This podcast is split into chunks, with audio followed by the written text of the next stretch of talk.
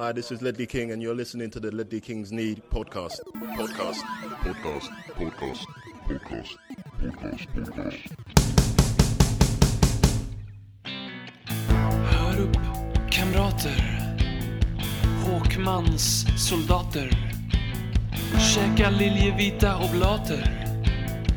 Och drick dina kolhydrater. Konsekvent, inkonsekvent. Det bästa som någonsin hänt. Du kommer aldrig bli dig själv igen, min vän. Här flödar hybrisen. När vi poddar på nytt igen. Du kommer aldrig bli dig själv igen, min vän. Då säger vi eh, varmt välkomna till den svenska radioteatern om engelsk fotbolls näst mest formstarka lag för tillfället, som heter Tottenham Hotspur. Det trodde man väl kanske aldrig att man skulle få säga den här säsongen. Det här är Ledley Kings knä. Robin heter jag och med mig från eh, orten längst E20 med eh, engelskt tonfisksavslut så har jag Alexander Berg Mattsson. 26 starka poäng sedan Mourinho. Det är helt otroligt. Och du är fortfarande hög på Villa-segern förmodar jag. Eh, du menar den eh, Sonny avgör i sista sekunden? Ja, den, den satt rätt fint. Man älskar ju att vinna fotbollsmatcher på det sättet, med matchens sista spark. Framförallt när man, när man eh, har varit riktigt, riktigt usla egentligen hela matchen men ändå har blivit lurade till på något sätt att tro att vi gjorde en bra match mot Villa. Så som Håkman exempelvis. Precis. Men eh, idag ska det handla desto mer om eh, Leipzig. Det är ju så att vi ska prata om det stora energidrycksderbyt. Tottenham möter ju RB Leipzig. Det brukar säga att det som eh, monsterdryck är för truckekepsbärande epatraktförare. Det är vad nästa gäst är för tysk fotboll ur ett svenskt perspektiv. Jag säger varmt välkommen till Kevin Bader. Tack så jättemycket. Hur är läget? Ja, det är alldeles utmärkt. Det är ju verkligen en fantastisk tid att njuta av fotbollen med tanke på ligafotbollen som vi har bakom oss med nu en hel Champions League och Europa League-vecka framför oss. Just det. Och du är med lite grann av egenskap, eller i egenskap som eh, Tysklands eh, fotbollsexpert här. Du är ju tysk eh, och du kör ju den podcasten Klacken.nu sedan 2013 och bloggar på Fotbollskanalen. Stämmer bra det? Eh, kul att du har också håller på med en podd sedan 2013, för jag funderade häromdagen på den här podcasten, Lally Kings knä också, såg ju dagens ljus för första gången i februari 2013, och funderade på hur många fotbollspoddar egentligen det kan finnas som har hållit på så länge. Eh, men då har vi i alla fall en till då, klacken.nu. Ja, vi, vi är starka tillsammans.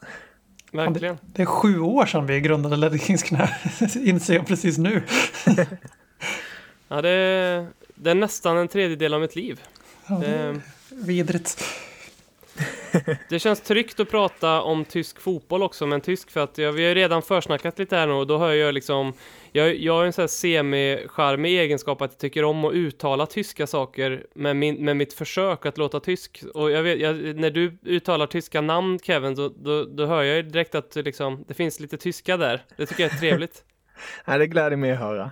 Ja.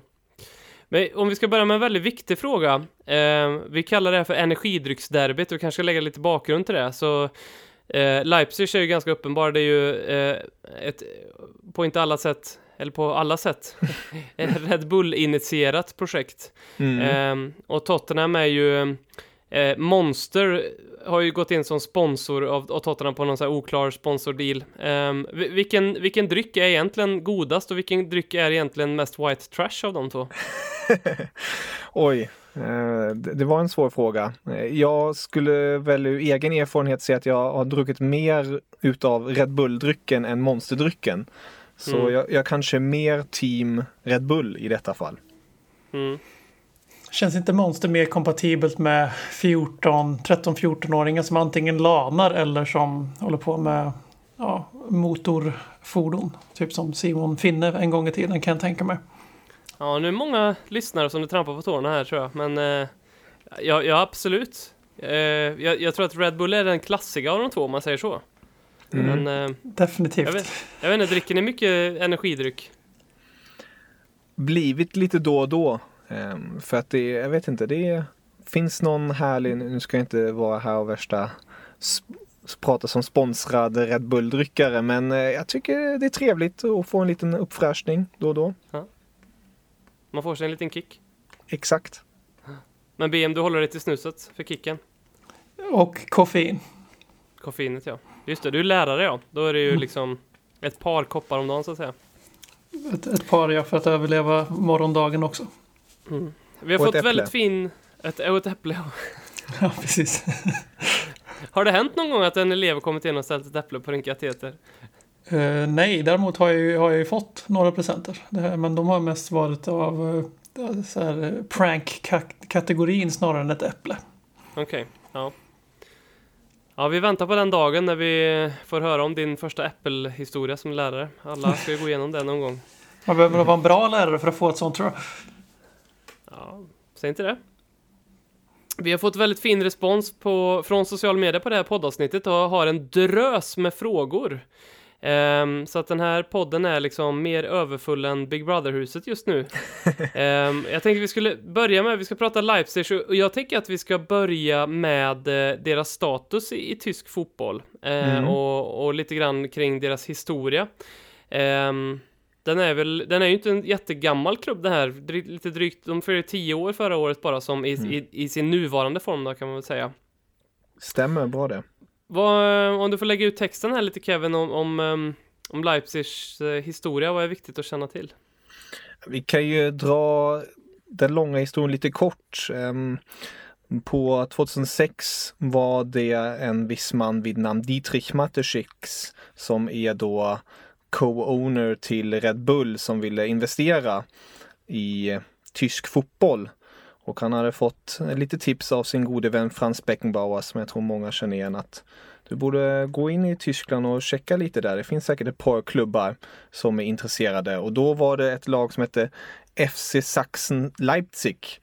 Och eh, förhandlingarna gick långt där men sen kom det tyska fotbollförbundet och enkelt sagt sa nej till det här på grund av att de skulle byta namn då och ha Red Bull i sig och ja, allt bara fallerade enkelt sagt. Så då fick det ligga på is ett tag. Eh, Red Bull försökte med andra klubbar såsom St. Pauli och eh, TSV München och även Fortuna Düsseldorf där vi har svensk bekantningen Ove Rössler nu för tiden. Eh, men även där sa det nej. Så det tog tills just 2009 som du är inne på, tills man hittade rätt, ja, rätt objekt om man nu ska kalla det så. Eh, nämligen en klubb som eh, tackade ja till det hela, eller tackar och tackar, men de, det blev helt enkelt de som Red Bull fick ta över SSV Makrenstedt eh, som spelar i dåvarande Oberliga. Och på grund av just den här grejen med Red Bull namnet, för att i Tyskland har man ju den här 51% regeln Ehm, det finns ju andra klubbar som också undgått det lite på ett och annat sätt. Vi har Wolfsburg med Volkswagen, vi har Hoffenheim med en annan investerare och vi har Bayer Leverkusen som har ett medicin, ja, farmabolag bakom sig helt enkelt sagt. Men eh, så löser de helt enkelt att inte kalla sig Red Bull Leipzig. De kallar sig Rasenballsport Leipzig. Väldigt smart gjort för då är ju förkortningen RB fortfarande. Vad betyder Rasenball för någonting? Rasenball är ju enkelt Racerboll. det, det, det är enkelt översatt, det är gräsboll, rasenball, Okej. eh, om man eh, översätter det noggrant. Mm. Ehm, så 2009 klev de in där och eh, fick då ta över deras ligaplacering. Och sen har de klättrat helt enkelt från 09-10 i Oberliga Syd till då, ja det här är då f- f- ehm, femte ligan. Sen klättrar man upp till fjärde ligan och bara trampa upp hela vägen tills man eh, säsongen 16-17 är då i Bundesliga. Just det. Eh, Och man gick egentligen hela vägen rakt upp förutom då säsong, första säsongen i Zweite Bundesliga. Där eh, fick man ta en liten minipaus och köra en säsong till innan man kunde gå upp i finrummet. Om man ska Mm. kalla det så. Som Så- Tottenham-supporter så känner man ju, vi har ju inte mött RB Leipzig, men vi har ju spelat mot det gamla Lokomotiv eh, Leipzig eh, i Uefa-cupen när det begav sig 1974. Eh, det här är för övrigt inget jag liksom bara har minne i utan det här är faktiskt... Med tanke på att du inte föddes, Mm. hade funnits då så. Jag var 15 år innan jag var ens påtänkt. Ja. Ehm, men då spelade ju Tottenham mot Lokomotiv Leipzig. Mm. Och dängde Leipzig och tog sig till final och sen förlorade man ju finalen mot Feyenoord um, på den tiden. Um, så att det är väl, det är lite, det är lite ny mark för, för Tottenham. Um, jag vet inte BM, har, konsumerar du någon Leipzig? Alltså det är en del, och man ser dem ibland, såg dem mot Bayern München 0-0. Det här är ju en klubb som man har liksom ingranerat i sig själv att inte uppskatta och eh, se dem som den cancertumör på fotboll. Som de och eh, nyligen demoterade Manchester City fast bara olika karaktärer. Så jag kan inte säga att jag följer dem jättenära och har inte så mycket till övers för bolag likt Red Bull, förlåt, Racer Boll Leipzig. Hur, eh, vi fick den frågan från Jesper Magnusson här. Hur hatade är egentligen Leipzig i Tyskland? Går det att jämföra med vi som följer engelsk Chelsea. fotboll ser på City och Chelsea, eller är det mer som, som BM känner sig bekant med AFC Eskilstuna i Allsvenskan? Mm, Mm, alltså. Superettan skulle- faktiskt. Jag skulle vilja säga först och främst att i början när eh, RB Leipzig klättrade upp och sen kom upp i Bundesliga att då var hatet som störst. Ehm, och att det har genom åren gått ner sig lite. Eh, har jag i alla fall den uppfattningen. Eh, självklart finns det fortfarande många som ogillar själva klubben i sig och att de har eh, energiföretaget bakom sig. Men jag tycker ändå att det finns en större acceptans nu för tiden. Och det är väl framförallt för hur de har hanterat sin position och hur de har agerat på marknaden. Man har inte gjort som Ja, nu ska vi inte, eller ni kanske tycker om det, men eh, nu ska jag inte snacka skit om Chelsea, men när man, man, när man Gör gärna köper... det. Det, får, det här är ju en Tottenham-podd, du får prata hur mycket illa Chelsea du vill. Jag förstår. Nej men Eh, det är inte så att de har plockat de bästa spelarna i ligan och bara öst pengar över alla. De har varit väldigt noggranna med hur de har agerat. Eh, inte agerat med att bara casha ut för att få in de bästa. De har satsat mycket på scoutingverksamheten och det är ju tack vare en figur som heter Ralf Rangnick som ni kanske har hört talas om i andra sammanhang. Han är, kan man säga, en form av nyckelfigur att Eh, RB Leipzig har blivit så stor som den är. Ralf Rangnick var själv manager, alltså sportchef, men även tränare ett tag i klubben och är nu en form av head of sports eller head of football i hela Red Bull-koncernen. Eh, och där har det varit mycket just scoutingverksamhet. Man har gjort samarbete med sina ja, Mm. syskon, syskon, syskon, nu kan jag inte prata ordentligt, syskonklubbar eh, som eh, Red Bull Salzburg till exempel. Man har ju haft flera spelare som har gått den vägen till um, Leipzig, till exempel Naby Keita som nu spelar i Liverpool. Han var i Salzburg, sen gick han till Leipzig och sen tog han nästa steg där och sen köpte Liverpool honom. Så de har gjort det på ett, tycker jag, om jag försöker vara objektiv, ändå rätt så snyggt sätt. Och sen kan jag förstå att folk ogillar själva läskedrycket eller energidrycken i ryggen. Men ja, det är väl, om man ska kalla det så, tyvärr den moderna fotbollen i det hela. Men det är väl eh, en av sakerna som jag vet eh, det, det är inte alltid marknadsföringen av eh, Red Bull då som är kanske det som folk stör sig på utan det är ju, du, du nämnde den här 51%-regeln som eh, Mm. att en, en klubb måste ägas av klubben själv till minst 51% då i Tyskland och, men, men i, i Leipzig-fallet så vad jag förstår det som så har väl då, det- ser fortfarande ut så men den här andra 49% som eller nej, rättare sagt medlemskapen i klubben har liksom sålts för eh, sjuka höga summor vad jag förstår. Så Mm. att man, man tror liksom att det har varit någon form av eh, ja, eh, lite, lite korrupt sätt att Mm. ändå hålla koll på, på det va? Precis, det har alltid funnits den klassiska kryphålen. Och det är väl det som är speciellt med Leipzig och även eh, ett Hoffenheim som hade liknande när de hade en form av satsning. Då hade de en av Tysklands rikaste män bakom sig och klättrade i seriesystemet och lite så. Så det är Tyskarna, eh, likt svenskarna, om jag får tala så, är ju väldigt för det här 51%-regeln att det är fansen och eh, folket som bestämmer. Och jag tror det är det som gnager mest, som, precis som du är inne på, att man har på något sätt lurat systemet. Mm. Hur ser det ut i Hertha då som, som också har Mm. fått någon in, rik investerare? Ja, där har du ju också, där är ju Last Windhorst heter han, som har klivit in och köpt 49,9 procent i höst.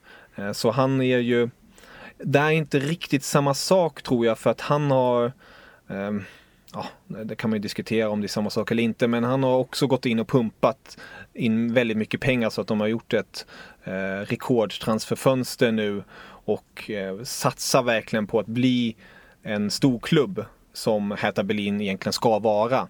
Och där har det väl tagits emot på ett helt annat sätt på grund av att det inte är ett, ett företag i sig. Det är mer en person som lägger in de här pengarna men inte begär att klubben ska byta färg eller namn eller någonting sånt. Så det är ju, ja, om man nu ska kalla det lite mer legitimt. Man får Spurs-koppling lite där är ju, Hamburg... eh, är ju Jörgen Klinsmann där som jag tror hade 70 dagar vid rodret i Hertha Berlin för han tog sitt pick och pack och drog vad jag läste mig till.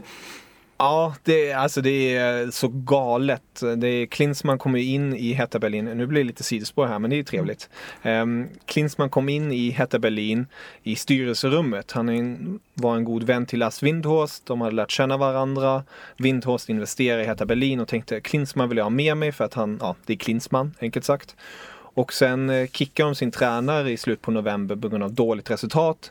Så bestämmer de att Klinsmann, vad säger du? Tar du över till säsongens slut och sen får vi se vad som händer.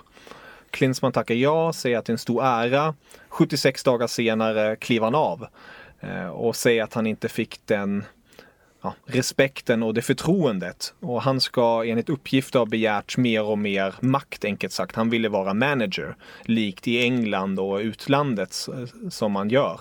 Men det gillade inte heta Berlin och då skar det sig helt enkelt. Och då tog han sitt pick och pack. Och är, om jag inte helt misstar mig är han nu i Schweiz hos sin son och har flytt den tyska vågen, om man säger så. Det är väl Det lite, finns ju en annan eh, Spurs-koppling i Piontek som gick till Hertha Berlin också. Men, eh, Det stämmer, det stämmer. jag, jag läste, du nämnde Hoffenheim här. Eh, jag läste att eh, när Hoffenheim spelade mot Leipzig, jag vet inte om det var första gången, men då hade Hoffenheim-supportrarna tryckt en stor banderoll där det stod We want our status as the Germany's most hated club back. Ja.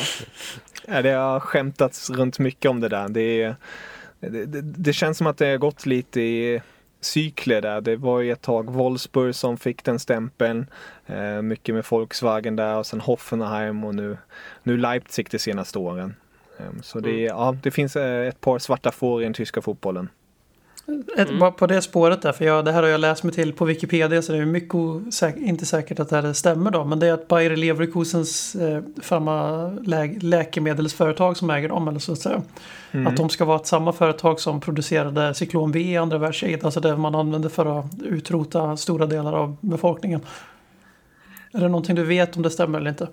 Det kan jag inte svara på faktiskt. Det, det får jag faktiskt själv titta upp. Det har jag, just den storyn har jag inte hört Det, tidigare. det, det, så. känns, det kändes lite för saftigt för att vara sant. För det känns som att det hade varit en Mm. grej som hade levt kvar i sådana fall. Oh ja. Känns som någonting som en eventuell motståndarsupporter eventuellt kan ha gått in och editerat på Bayer Leverkusens hemsida. På, På Wikipedia. Wikipedia. hade det varit på deras hemsida det hade varit en jävla grej. Hur eh, uppfattas Leipzigs eh, framtida satsning här då? Det är Lars Corneliusson som undrar. Är den, är den Mm. fortsatt uthållig eller kan man skönja liksom stagnering i ambitionen eh, och att klubben förväntas falla tillbaka något? Eller eh, hur, hur långt kan de gå? Jag skulle väl säga att de den här säsongen verkligen har tagit det där nästa klivet. Det har varit nu ett tag vart de har etablerat sig i det övre skiktet i Bundesliga.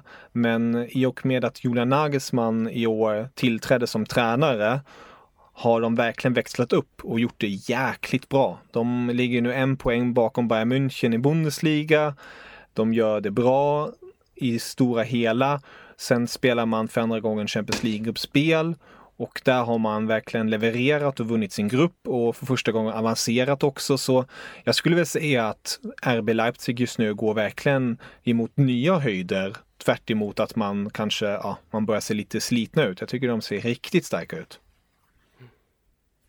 Jag tror, det finns ju en till eh, Tottenham-koppling här för att eh, det är precis som du säger, jag var inne och tittade på truppen för att eh, nu konsumerar jag otroligt lite fotboll eh, som, som, inte har med Tottenham att göra så att säga. Så att, eh, att jag inte känner igen fotbollsspelare i en trupp, det, det, det, ska man liksom inte, det säger inte så mycket om man säger så.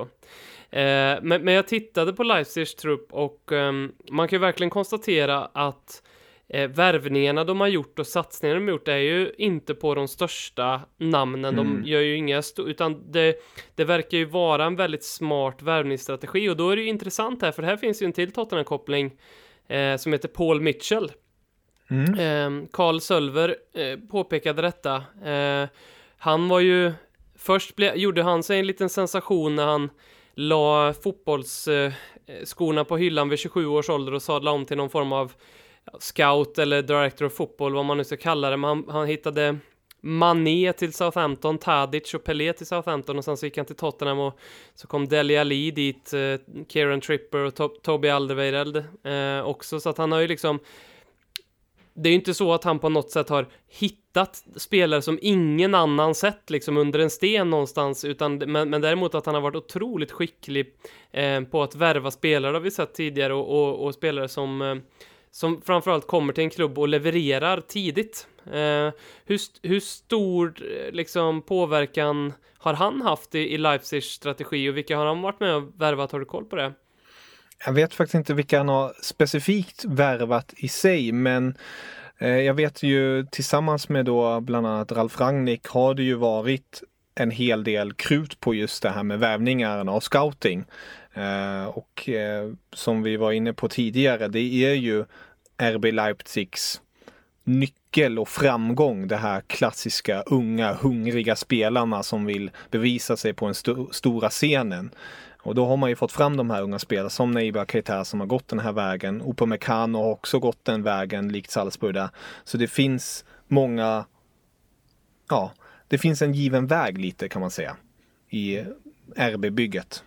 Mm. Hur bra är de då? Var, var skulle de placera sig om de spelar i Premier League? Uff. Ja, om man, om man ska vara hård och säga i årets Premier League-tabell skulle de väl definitivt vara med där uppe och slåss, skulle jag tycka. De hade legat ehm, trea.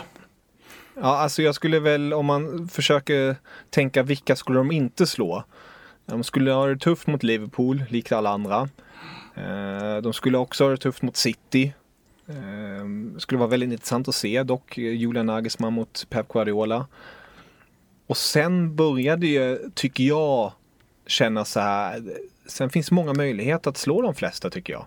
Så som du är inne på det, alltså hade de gjort det jäkligt bra och hållit en hög nivå skulle jag definitivt kunna se dem som fyra, trea, femma. Med tanke på den nuvarande statusen måste man ju säga med Manchester United, Arsenal, all respekt till eh, Spurs eh, som kanske inte har haft de bästa, den bästa säsongen.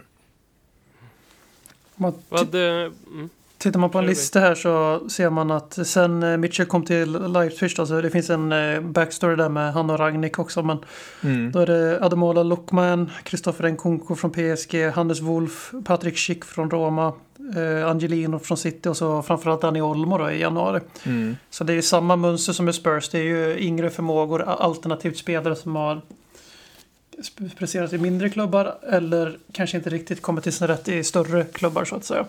Så det är mycket utvecklingsbart som vanligt verkar vara passar ganska bra in med Leipzigs ideologi då, så som du beskrev den förut. Oh ja. Och du nämner det spelare som Nkunku. Det, det kan jag tänka mig är många som inte så här, vem, vem är det? Och det är eh, många unga franska spelare har kommit till eh, Leipzig. Eh, och Nkunku är ju en sån spelare som kommer från PSGs ungdomsverksamhet som har då fått chansen nu i Leipzig och gjort det jäkligt bra. En mångsidig mittfältare som både ehm, är duktig på att vinna boll men även duktig på att avsluta och passa fram till mål. Och han är ju, om jag inte helt misstar mig, 22 år gammal ungefär så det är verkligen en sån där spelare som jag tycker, om man vill se på Leipzig, håll koll på honom lite extra. För han är väldigt fin. Vad tänkte du BM när vi fick eh, Leipzig i lottningen här i Champions League? För jag vet, jag vet att många, däribland jag, drog någon form av lite läpp lättnadssuck det första och sen så kom ju liksom ganska snabbt den här piskan att ja men det här blir nog inte så lätt. Vad, vad tänkte du när det stod Leipzig eh, Tottenham på spelschemat? Att det var jävligt skönt att det inte var någon, av, någon i stil med Juventus, eh, Barcelona och vilka nu som vann sin grupp där. Så det får man vara ärlig med. Det här är ju om Tottenham ska vara en klubb som har seriösa ambitioner att eh, förra årets finalresa inte var en engångsförteelse, vilket med stor sannolikhet det var.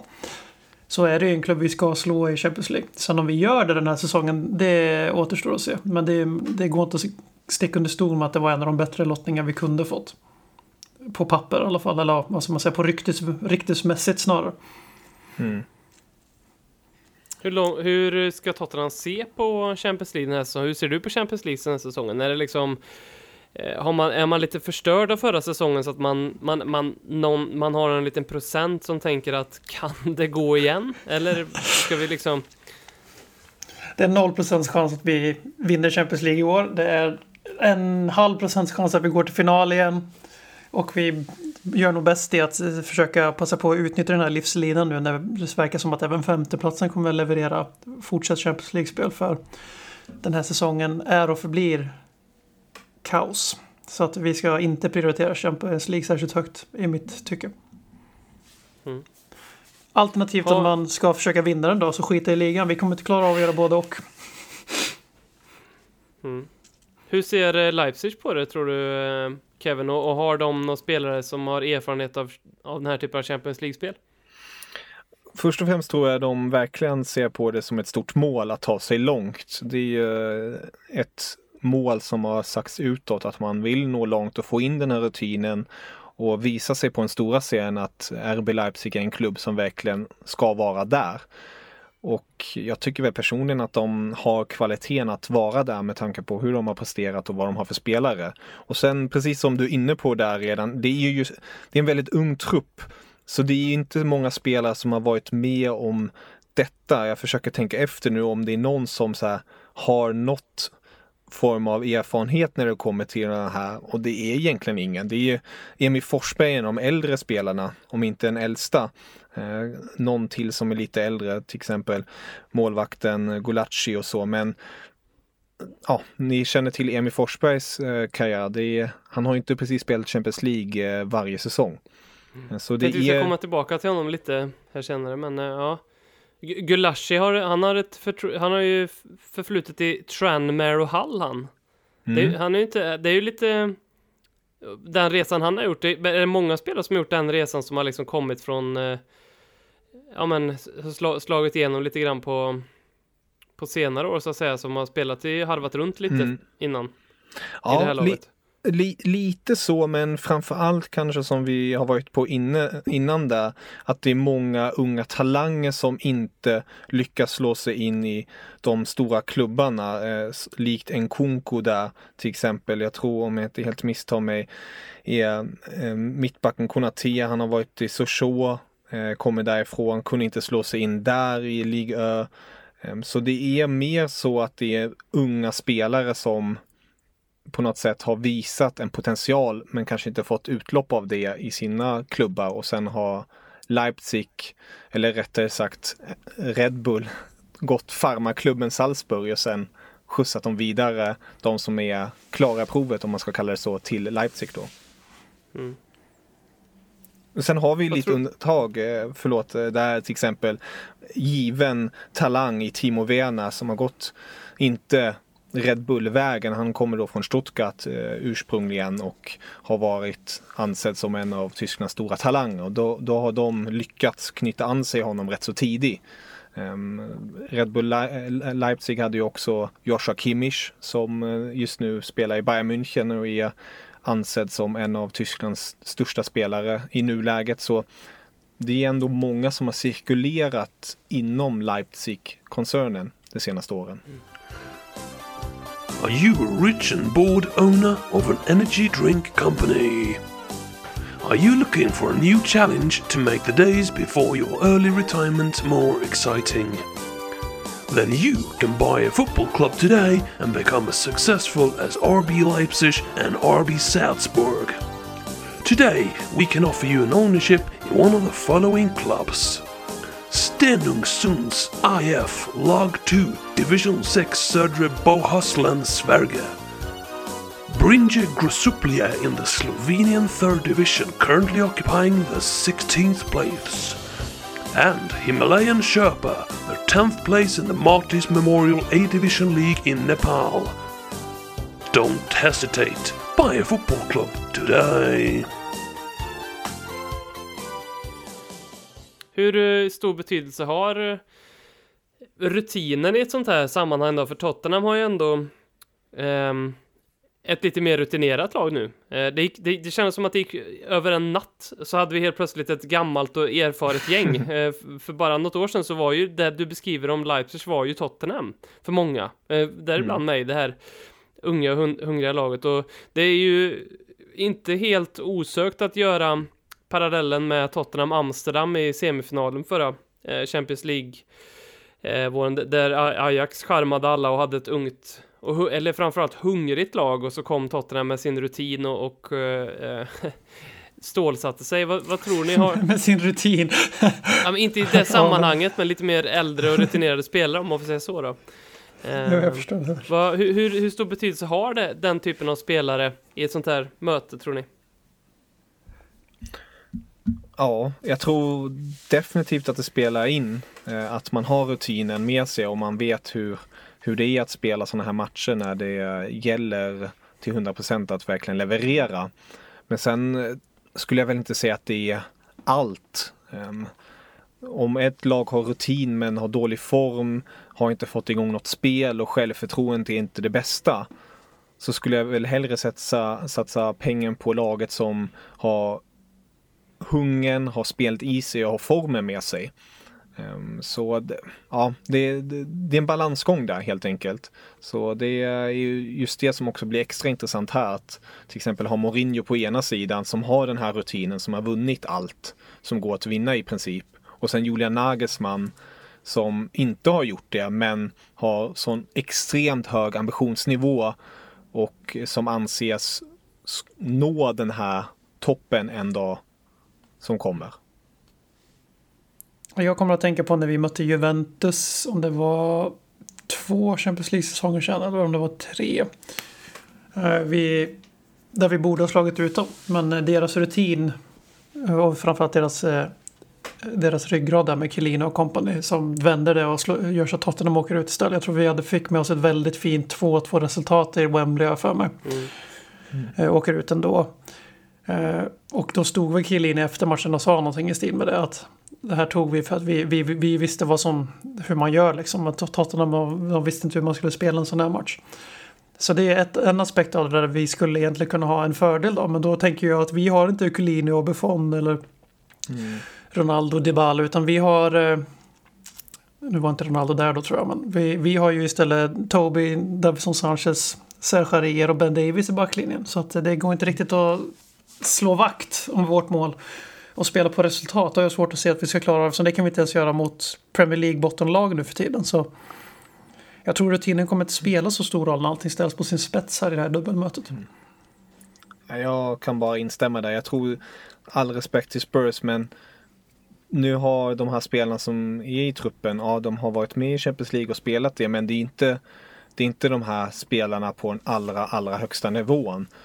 Jag hade väl sagt att om Harry Kane hade varit med Eh, för Spurs del då hade de verkligen fått en större, ja, större fördel. Det är, ingen, det är ingen hemlighet, han är ju en nyckel för laget. Men i nuläget ja, tycker jag inte det ser så farligt ut för Leipzigs del. Alltså det är ju, för ur deras perspektiv tycker jag att det är egentligen perfekt läge att de möter just Spurs. Att det är kanske ett Spurs som inte har det bästa självförtroendet. Man har lite skadebenägenhet och att man famlar lite både i ligan och ja, hur ska man hantera Champions League i det hela. Så den där rutinen, eh, jag vet inte hur mycket det kommer hjälpa dem.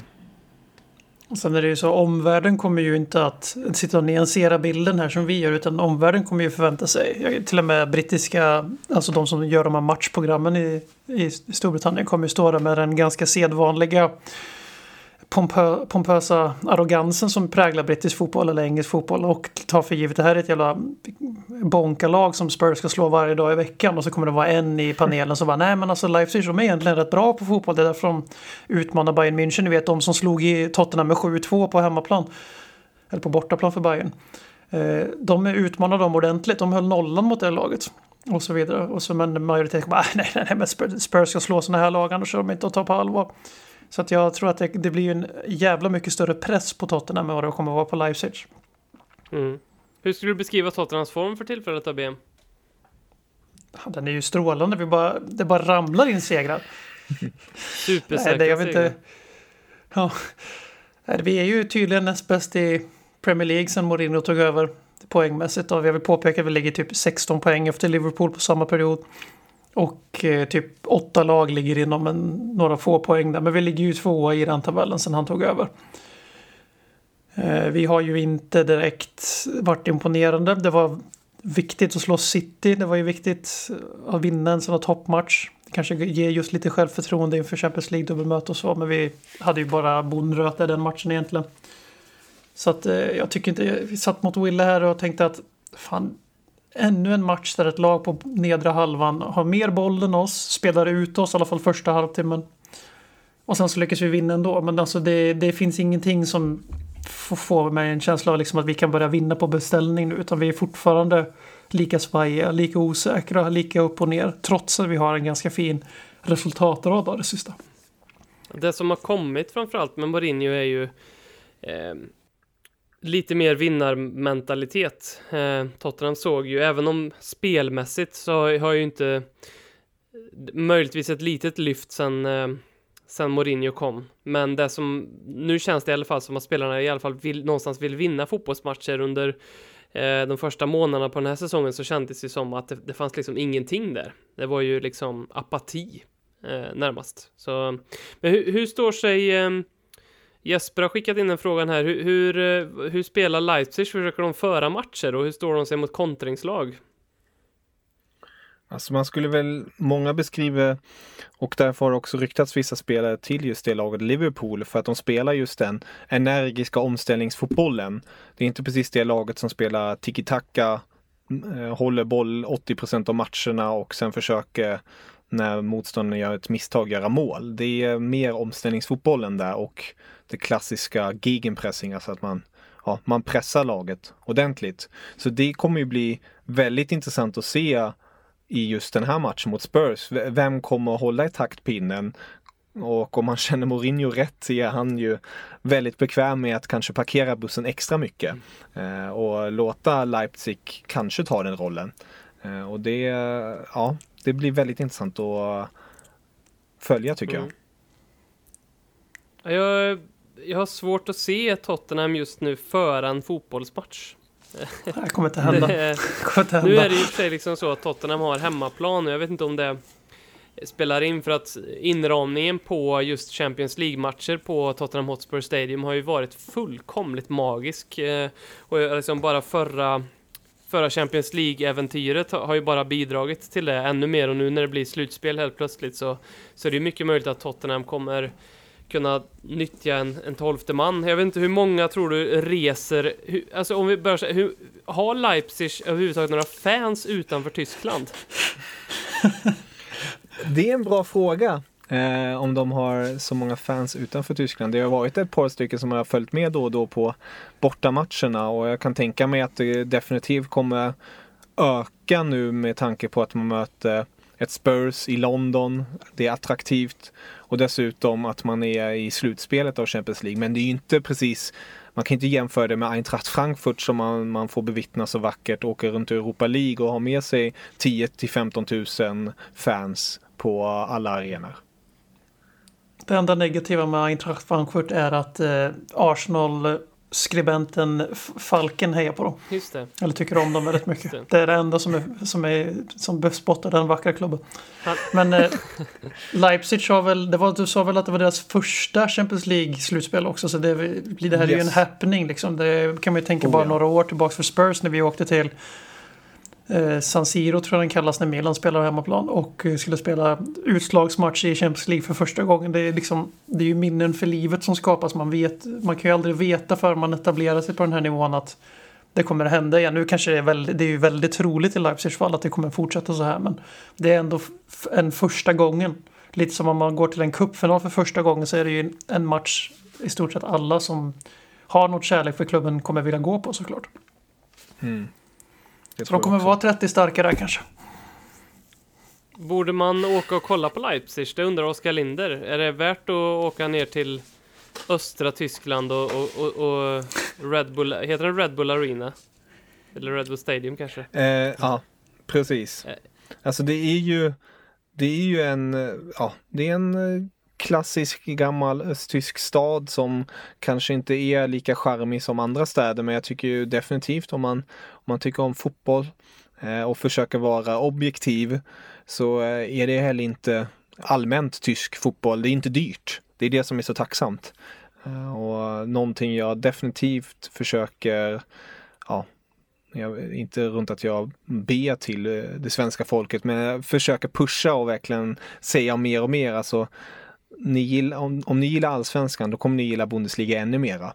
För att det är verkligen allsvenskan 2.0. Det är fansens liga. Det är eh, billigt att gå, alla går, det är enkelt att ta sig dit.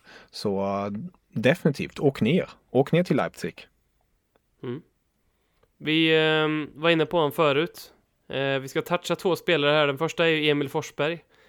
Eh, Gustav Ejerfelt undrar vad har han för dagform och vad, vad framförallt vad har han för status i klubben just nu? Ja, Den är ju lite krånglig. Eh, Man ska ju definitivt, om man ser till hans historik, är ju han en av klubbens största spelare. klubbikon. Ja, precis. Det är, nu, nu blir det kanske lite fjantigt med tanke på att klubben är så ung, men någon gång måste ju ikoner och profiler komma fram och växa fram och han är ju definitivt en av dem. Han har ju slagit, om jag inte helt misstar mig, flest assist i klubbens historia. Han har, är uppe bland topp 10 när det kommer till antal matcher. Han var med när de gick upp till Bundesliga. Den där rekordsäsongen när han slog flest assist i hela Europa bland toppligorna. Så han är ju, han är ju verkligen en profil i Leipzig och varit det väldigt länge. Men det som tyvärr har varit till hans nackdel är ju hans skadebenägenhet. Och den har ju inte blivit, precis blivit lättare genom åren. Och det har ju även tränaren Nagelsmann påpekat att Forsberg är en fantastisk spelare men han, han är skadebenägen. Och man måste alltid vara försiktig med honom.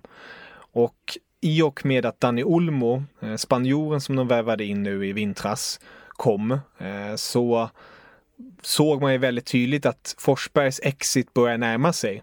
Hans kontrakt går ut 2021. Eh, Danny Olmo, han är 21-22 år gammal. Foppa är 28. Ja, det här kan vara hans sista säsong i klubben. Och eh, så f- får man se också att han har blivit petad. Han har fått blivit utbytt tidig. Jag tror på de sista fyra ligamatcherna har han spelat ungefär runt 75 minuter sammanlagt. Så ja, det är inte den bästa statusen med honom. Men jag tror heller inte att han han kommer inte vara så här, sitta på läktaren resten av säsongen. Han kommer fortfarande få sin speltid. Och det kanske är på något sätt en gyllene chans för både honom och för Leipzig få ut det bästa. Foppa vet hans tid är inne. Han måste bevisa sig. Han måste visa upp sig för sina nya arbetsgivare ute i Europa. Samtidigt som eh, Nagelsmann kan sätta honom på bänken och sen byta in honom och sen får han en högmotiverad spelare. Så det, det är inte den bästa situationen för Foppa, men kanske en väldigt bekväm situation för Leipzig. Vad är hans, eh, va, va, varför är det så? Jag vet inte, håller du med om det BM? Det är någonting med Emil Forsberg som är, gör att man, han är inte så likable. Eller? Ja, Det där vet jag, jag vet inte om jag håller med riktigt. Jag har inte så starka känslor om honom either way. Men det är ju, i svensk media så har det ju blivit någon form av lite så här grej att man ska behandla honom. När vi hade lite tomt på stjärnsidan där efter Zlatan gick i landslagspension och så vidare så var det ju Forsberg som var den nya, den arvtagaren. Han tog tian, han kom till någon Sundsvallsträning i någon Gucci-jacka, någon jävla anekdot man har hört 2000 gånger. Uh, han har uttalat sig i pressen att han gärna skulle testa någonting nytt och det är så ovant för svenska spelare. Och uh, sen nu är det ju Alexander Isaks era, nu är det han som är guld påläggskalven här så Forsberg har ju liksom skjutit åt sidan där lite kanske men jag vet inte om han är så unlikable egentligen utan det är väl mest att han i, ur svensk perspektiv kanske ibland vågar sticka ut lite och det är ju som vi alla vet ofta anses vara ganska fult i Sverige på alla, alla olika former av kulturuttryck. Men eh, ja, han har ju spelat i Malmö, det skulle kunna vara en grej. Skulle han hålla i Premier League? Frågan är om hans fysik skulle hålla i Premier League, hans kropp. Ehm, jag skulle definitivt säga att han skulle hålla i en, en klubb i övre halvan. Ja, Ehm, definitivt. Han, han har fina spetskvaliteter. Men sen att han skulle gå in till exempel i Liverpool och peta någon av trion där framme eller någon i mittfältet. Det, det, den är lite svårare. Ehm, men en, ett, ett Everton kanske. Ett satsande Everton. Eh, om, man, om de nu skulle vilja ha en form av ytter eh, skulle han definitivt, tycker jag, platsa i. Men när han var som bäst då förstod jag ju varför, att, eh, varför de större klubbarna var ute efter honom. Men sen eh, visade det sig tyvärr att hans skadebenägenhet är Ja, det är, det är en röd tråd som följer honom hela karriären just nu. Mm. Tror du han får spela i Champions League mot Tottenham? Ja, det tror jag. Um, sen vågar jag kanske inte säga att han kanske startar, men jag skulle ändå inte bli förvånad om han startar med tanke på att han hoppar in rätt så sent nu mot Werder Bremen i helgen. Att han nu har fått vila lite och sen säger Nagelsmann, ja, då går du ut nu mot Spurs och visar vad du går för och kämpar för din plats. Så det skulle definitivt kunna vara en taktik för Nagelsmann. Han är väl en av de spelarna som har lite rutiner i laget också då? Exakt, och han har ju också ett fint samspel med Timo Werner som är i en hysterisk form. Just det. Så de två vet ju, de känner varandra väldigt bra. Eh, Och det, det skulle inte vara konstigt om Foppa då spelar för att, för att teama upp med Werner mot då Spurs. Får vi be en stilla bön här att eh, Mourinho inte får för sig att spela Janne eller Jan Vertongen mot Leipzig. För att han kommer att bli rundad som en vägkona av Timo Werner. Ja, Det var någon som var inne på det. Tror du BM att Tanganga har en eh, plats i startelvan? Just på grund av speeden. Jag tror inte det. Jag tror att hans tid att vara startspelare är över. Det var väl mest Ben Davis frånvaro som...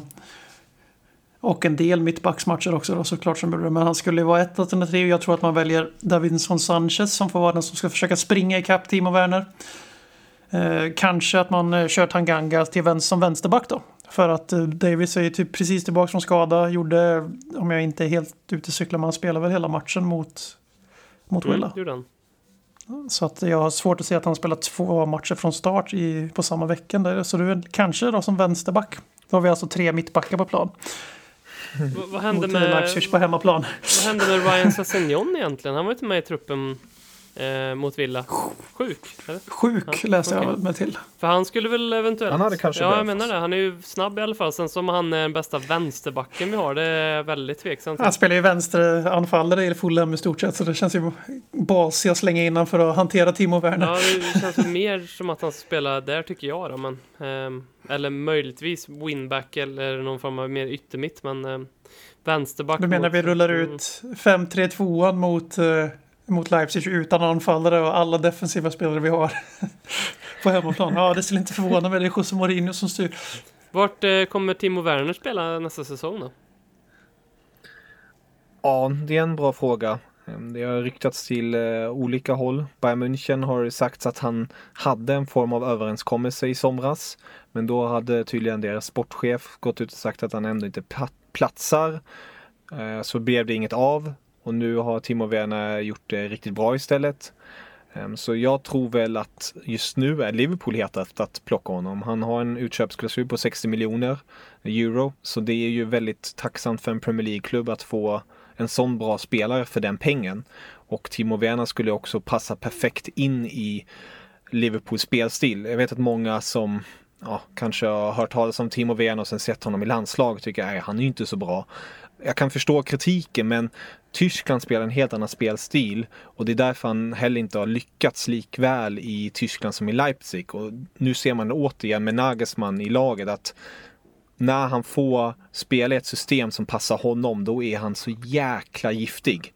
Och just det spelsystemet skulle han också få spela i, eh, i Liverpool.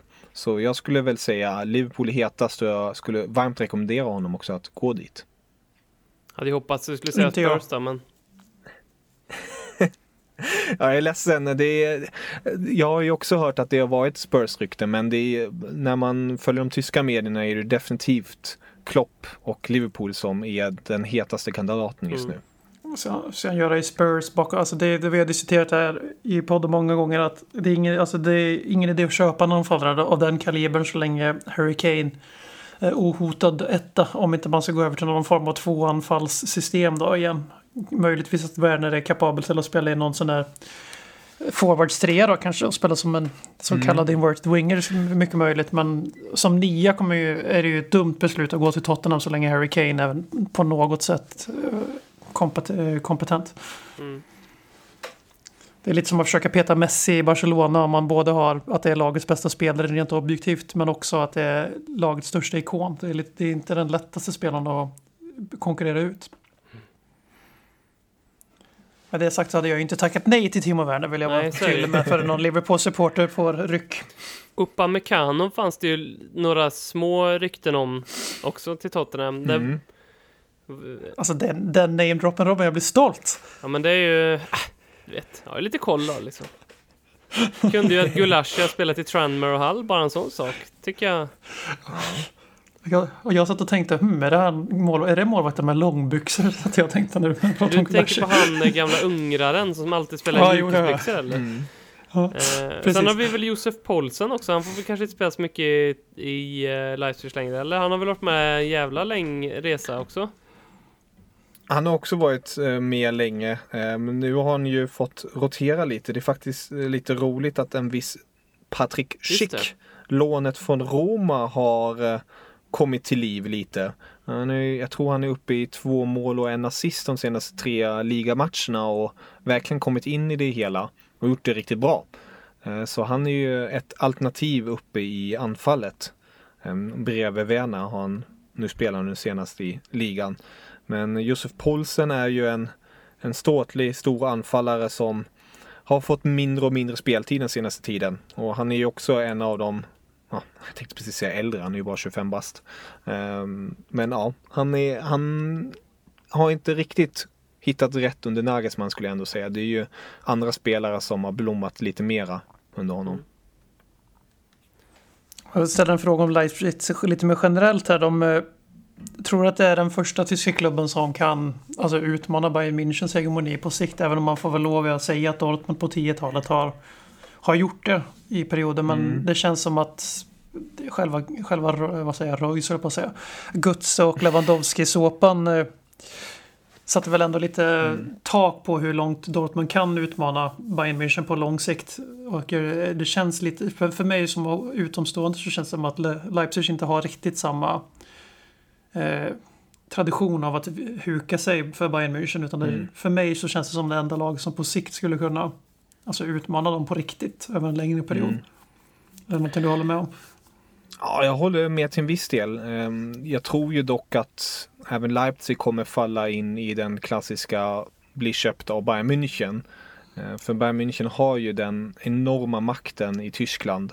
De kommer någon gång plocka, Upamecano är till exempel ett sånt namn som även ryktas till Bayern München.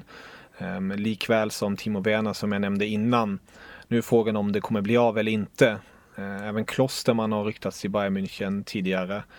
Men jag tror du, du är inne på rätt spår. Alltså det Leipzig har byggt upp ett kollektiv styrka. De, de har spelare som gör det jävligt bra och vet att de får den speltiden och utvecklingspotentialen i klubben. Ehm, så tror jag definitivt att Leipzig kan utmana. Men jag tror även att Dortmund Ja, eh, ja, kan absolut. utmana eh, ordentligt. Eh, de måste bara få ett bättre försvarsspel om man säger så. Spelarna har de tycker jag redan för att kunna utmana men Men sen igen, för att vara lite tråkig, Bayern München, det är, eh, hur ska man säga, det är ju verkligen en galen klubb. Det är en sån välskött klubb genom åren. Sen 70-talet när Oli Hunes klev in som spelare och sen som manager och sen president och nu är han form av gudfader för han har Eh, pensionerat sig. Men nu har Oliver Kahn klivit in i styrelsen och de som känner Kahn, det är en galen tysk målvakt som eh, kommer göra ordentligt avtryck eh, och han har redan gått ut i pressen och sagt att jag vill ha mer passion, jag vill ha mer ambition och det är just det som gör Bayern så jäkla bra. Att de, det är ingen klubb som en säsong bara okej, okay, ja, nu vann vi, nu tar vi lite lugnt. De är hela tiden på det här utvecklingsspåret. Eh, men utmaning kommer de få mer och mer i Leipzig och Dortmund. Kanske även klubbar som Gladbach som gör det riktigt bra. Men jag har svårt att se att något, något lag kommer komma på samma nivå på det här vart man säger det är 50-50. Om man skulle vilja ha en Barcelona-Real Madrid historia i Tyskland. Alltså få ett lag till som, mm. även om det är tråkigt med bara två lag också mm. såklart, men det är inte så annorlunda som det har varit i England senaste mm. tre åren och egentligen innan det också. Men nu är det ju Liverpool och City ju hästlängder för alla andra just nu. Mm. Mm. Men man skulle vilja ha ett lag som i mer än tre års cyklar på, med att slåss om med Bayern München för tyska ligans attraktivitet skull i alla fall. Men med det måste jag understryka verkligen, den här säsongen är väldigt speciell. Just att det är så tight. Det är bara en poäng ner till RB Leipzig och Dortmund är tätt där bakom och så. Det är mycket på grund av just att Bayern München har haft problem med tränarrollen. De, har, de hade Ancelotti, det gick inte så bra. Niko Kovacs ja, jag vet inte riktigt vad han gjorde. Han satt på en stol och det, han trodde att spelarna skulle göra det själva helt enkelt.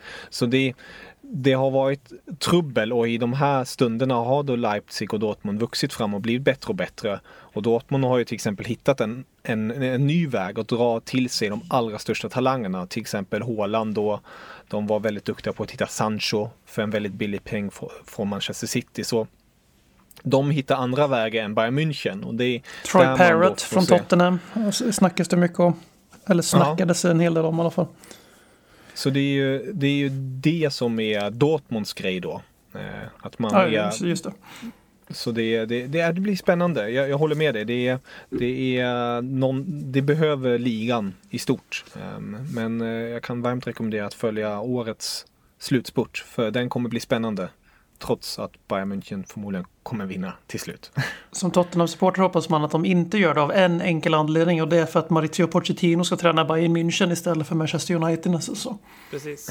Så heja Leipzig! Bara som avslutning Eben, vad tror du um, ut ur Mourinhos uh, perspektiv här nu? Han har Leipzig uh, i, på onsdag i Champions League och sen har vi Chelsea i ligan som på väldigt många sätt helt plötsligt har vuxit fram till någon form av eh, ja, kamp om eh, fjärdeplatsen. För vinner vi där och, och, Chelsea kryssar eller torskar ikväll mot eh, United så eh, då är vi förbi helt plötsligt. Något som kändes också helt osannolikt bara för några månader sedan. Men hur tror du Tottenham ser på, på den här veckan? Är det någon match som går före eller är det fullt blås vi har precis haft semester i, med Premier League mått mätt. Eh, ganska övertygad om att vi sparade både Lo och i mindre utsträckning Ndombele mot Aston Villa. Eh, en eller båda de kommer starta mot Leipzig och den andra eller båda mot Chelsea. Eh, Mourinho har ju...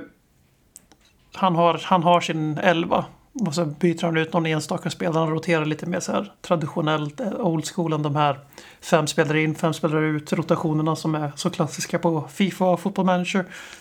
Så jag tror är blåstället på i alla matcher och att eh, vi lär ju inte få se någon form av...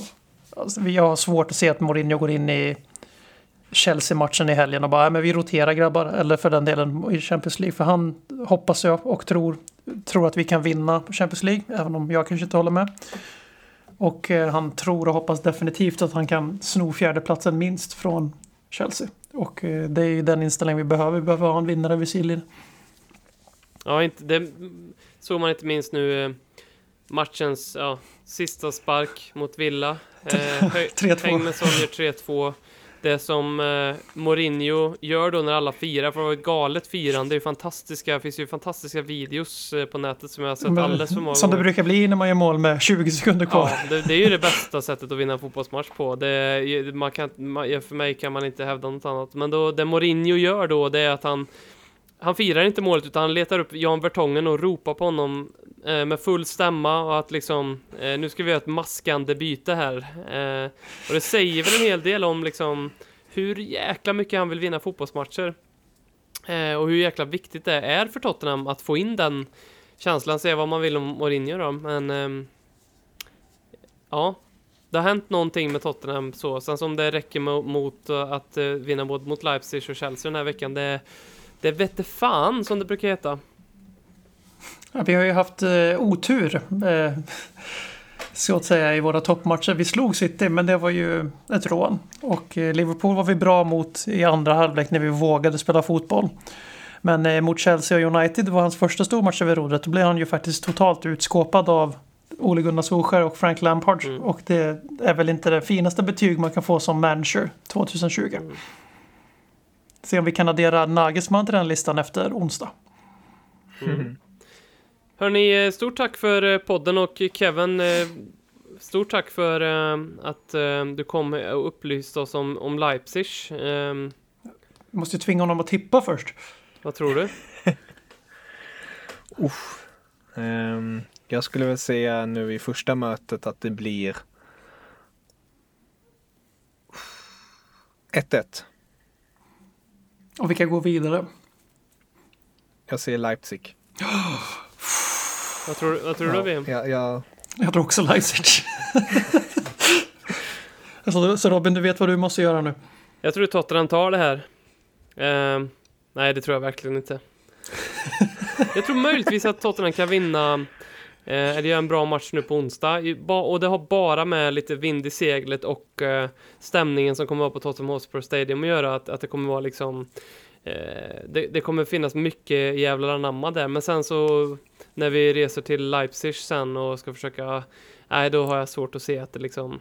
Leipzig är där för första gången, de har då kanske ingenting att förlora heller. Det kan bli... Nej, då kan, då kan det rinna iväg till och med, tror jag. Muntert. Ja, så är det. Men det, det brukar vara muntert i Ledder Kings knä. Något. Eh, ja, tack så jättemycket till alla som har skickat in frågor till podden. Det gjorde hela avsnittet. Eh, var tvungen till och med att välja bort massa frågor. Självklart fick vi också en salamifråga från Eljukke som vi alltid får. Eh, jag, vet inte, jag vet inte om Leipzig är känt för någon salami. Vad säger du Kevin? ingen som jag kommer på rak arm. Eh, salami, nej. Nej. Eh, Jag skulle väl rekommendera andra städer vart man skulle äta korv istället i Tyskland. det är så? Ja. Ja. När jag var på genomresa i Tyskland när jag skulle se Tottenham mot Derby för ett gäng år sedan fick jag den här dumma idén att jag skulle bila genom Tyskland. Då bodde jag på ett eh, bed and breakfast någonstans på tyska landsbygden. Otroligt trevligt. Eh, och då kom man och, och fru i huset upp på morgonen jag satt och käkade frukost och så hade de skivat en jäkla massa olika salamisorter till mig. Det var väldigt trevligt. Mm. Så att eh, Mysigt. de kan ju sin salami i alla fall. Ja, de, de gillar ja, det. det är ju så. Eh, tack så jättemycket för din medverkan. Tack också BM. Och eh, tack, B- Tack tack. BMs katt Pep som höll sig eh, tyst under inspelningen här. Hjälte. Tack så ni ha. Auf Wiedersehen. Konsekvent, inkonsekvent Det bästa som någonsin hänt Du kommer aldrig bli dig själv igen min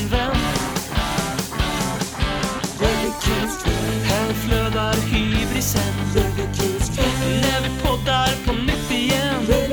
Du kommer aldrig bli dig själv.